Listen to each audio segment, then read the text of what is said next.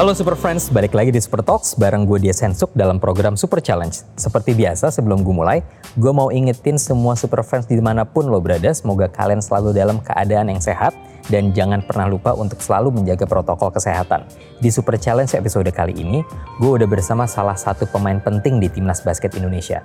Pemain basket berdarah Bali Amerika yang selalu tampil fashionable ini punya cerita dan pengalaman seru yang akan kita kupas mengawali karirnya bermain basket sejak bersekolah di Amerika, lalu menjadi pebasket profesional di beberapa klub basket nasional, hingga tampil gemilang bersama timnas basket Indonesia tentunya. Nah, gue juga mau kasih tahu, untuk episode Super Challenge kali ini, kita akan melakukan sesi interview dengan bahasa Inggris. Jadi, untuk super fans yang mau lihat translate-nya, bisa lo tonton Super Challenge dengan translate bahasa Indonesia di channel YouTube Super Challenge. Oke, super friends, tanpa berlama-lama lagi nih, please welcome Brandon Jawato. How are you, Brandon? I'm good. How All are good? you, man? You're safe Thank- and healthy? Yes. All right. Hope you're doing the same. Thank you guys so much for having me. It's a pleasure. All right, thanks, man. So, can you start about uh, going back to your background? Uh, how, how your childhood life uh, before you knowing basket? Before basketball, uh, it was a beautiful life. Um, was growing up in Los Angeles, California.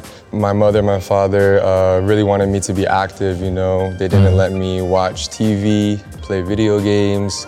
They always wanted me to be out and about, um, active sports as far as basketball, uh, soccer, hockey. I was always outside of the house doing something. Okay, so Brandon, uh, do you remember any any single moment that introduced you to basketball? Uh, yes, Kobe and Shaq, Los Angeles Lakers. When I was younger, my father, and my mother were both fans of them. And I actually grew up in the city that the Lakers would practice. It's called Hell South. So uh, that was a really big um, inspiration for me, you know, to, to play basketball. And how about your parents? Um, their influence to your to your passion? Is there any specific support that they give you until now? Yeah, so basically they they asked me what I wanted to do growing up and I told them I wanted to be a basketball player. So my mother and my father, they would rebound for me. You know, like my mom would bet me. She was like, if you make 20 three-pointers in a row, I'll give you 20 bucks. And that right there alone, I was like, okay, I'm gonna prove wrong. I'm gonna get 20 bucks, you know, so I can buy myself food uh, during the week. So my, my mother doing that for me was like, you know what? Eventually, maybe when I'm older, I can make a living, you know, playing basketball, the game that I love. And then my father, he would always, he would always come and work me out and train me, not only in basketball, but surfing, American football, also um, soccer as well. So when I was younger, they also did this event. Um, where they invited us to the Lakers practice and uh, we got to play basketball with them. I remember one event where I rubbed Shaq's head and I was like, oh my gosh, like I want to make it to this stage. What is the, the biggest motivation and the spirit that basketball catches you until you choose that precise sport to be your career, maybe? Um, my biggest motivation, um, I would say Kobe Bryant, you know, just uh, the Mamba mentality um, and just his worth ethic, you know, and thinking that I could play this sport and make a living doing it and also getting an education. So in the United States, only 1% after high school will make it to the next level, which is college. And my first goal was to make it Division One. I made that happen, you know. I was out to prove a lot of people wrong. People saying, oh, he's not good enough. Oh, he's not gonna make it to, to this level. He's not gonna make it to pro. So that alone was just motivation for me to prove people wrong and to constantly work on my game every day. Tell us a bit about the El Segundo, California, and when you joined the basketball team there. Um, yeah, El Segundo, California. Yeah, so my freshman year, I, I made it to varsity. I played on the highest level as a freshman, you know, um, as the youngest kid there. And, uh, you know, for me, every time I step on the floor, I just want to be the best, you know, 100%, even more than that, you know. Move forward, all the excitement on the court, all the spirit that you get from basketball, and then you graduate from uni and you move to Indonesia, going join Pelita Jaya as a professionals. Uh, why did you choose that career path, and why? So my freshman and sophomore year at University of Hawaii, I did great. You know, um, I was all over YouTube, ESPN, and that's how Indonesia heard of me at first. Um, they're like, "Oh, who's this kid? He has Indonesian blood, um, playing Division One." I. don't know any other Indonesian that played Division One, and that's the highest level. So after my sophomore year, I was battling some injuries. my full focus on recovering, getting healthy, getting back on the court. But in the meantime, get my degree and do my studies. So I was able to graduate college um, in a degree in family and human resources, FAMAR, and then uh, yeah, Indonesia offered me to come here and play, and you know I said why not? Why not go back to the country where my father's from and represent Indonesia and hopefully I can play for the national team and represent this beautiful country. So I was so grateful for the opportunity. I took it, boom, um, 2015, I came here and that's how my career started here in Indonesia. Coming at, at this time, you have experience uh, both in America and in mm-hmm. here as well. Mm-hmm, mm-hmm. What's the major big difference between playing in there and playing in the States and playing in here? The, the passion that they have for the, the sport, you know, um, and the way things are taught and the work ethic, I believe, you know, that's the difference. They really emphasize the fundamentals of basketball, you know, like before pick up a basketball, you just run like jump stop drills, like jump stop, learning how to pivot, you know, um, really paying attention to detail.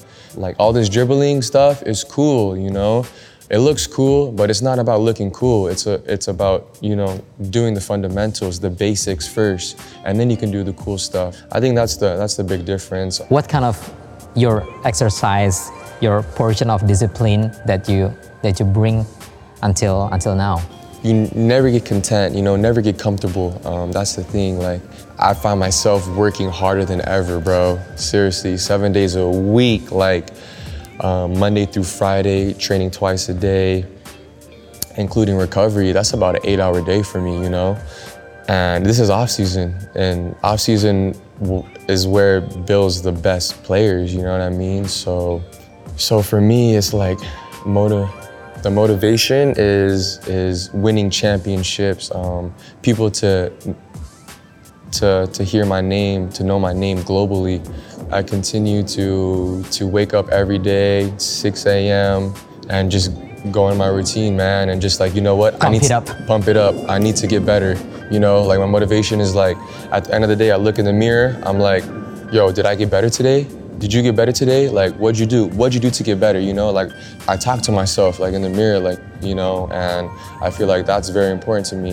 What sets apart between amateur and professional? What's the difference between amateur um, and professional? It's a mindset, the psychological. That foundation. Yeah, the foundation and the psychological um, approach to the game of basketball. Doing all the physical things is is one thing, but as you get older, the majority of the way you perform and the way you approach the game mentally is so important, bro. To just staying mentally strong, being confident, investing in yourself daily, bro, being disciplined is, is so important. We're talking about the highest highest excitement in your game. Mm-hmm. You've played with Pelita Jaya, mm-hmm. Surabaya, and CLS Knights. Mm-hmm. Do you remember any, or do you have in mind your most memorable game? Uh, recently, yeah, was when I won the championship with the CLS Knights. Indonesia Juara, man. It's like, and it's I think they won the ABL in 2012 with SM. I think that was the right date. And then, yeah, to win it in 2018, 2019.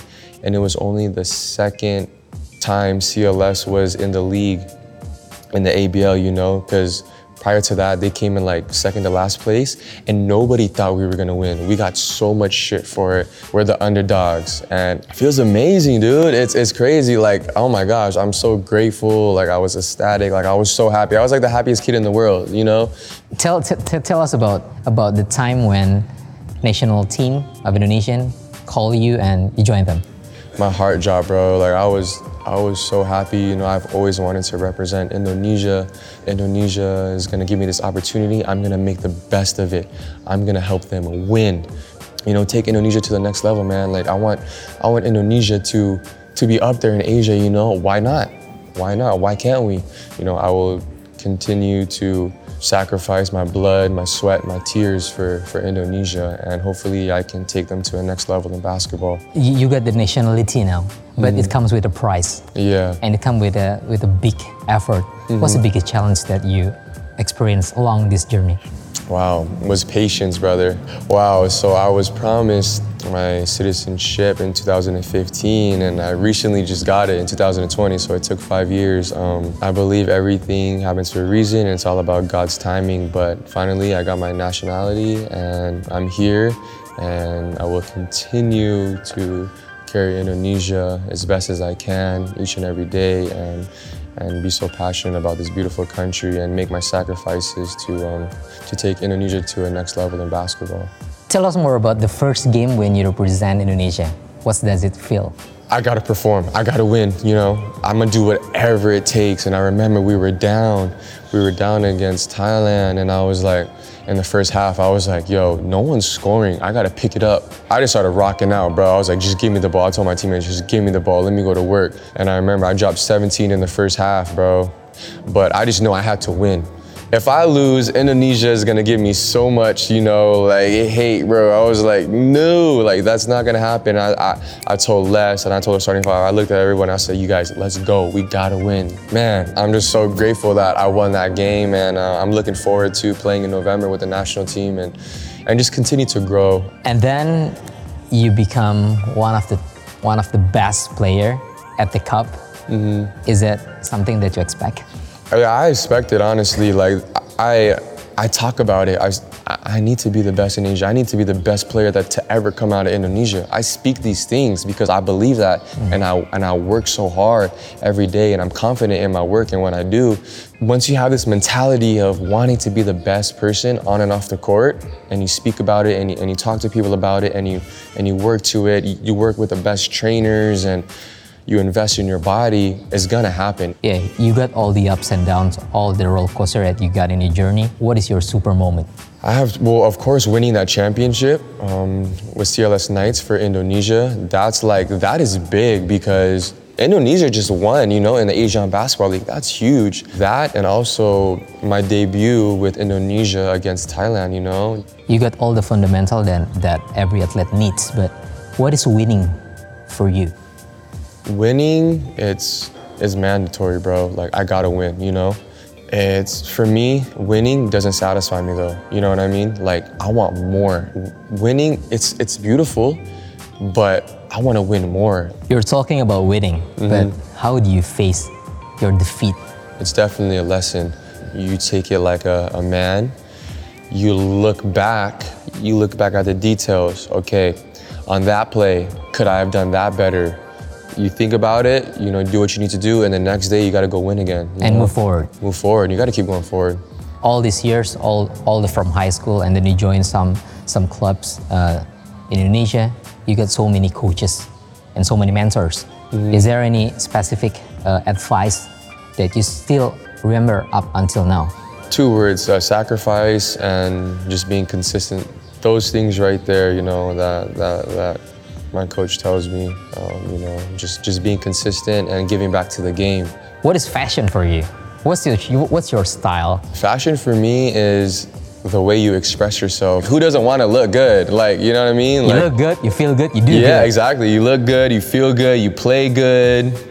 I love lighting up a room, bro. And that's just me. So fashion is the way I express myself that day, you know. So. Do you get any role models outside court, maybe? Mm, Pharrell, love his art. I'm, I'm, I'm very big into art, um, you know, and expression. Um, the way he carries himself as an entrepreneur, he's, you know, he's very inspiring.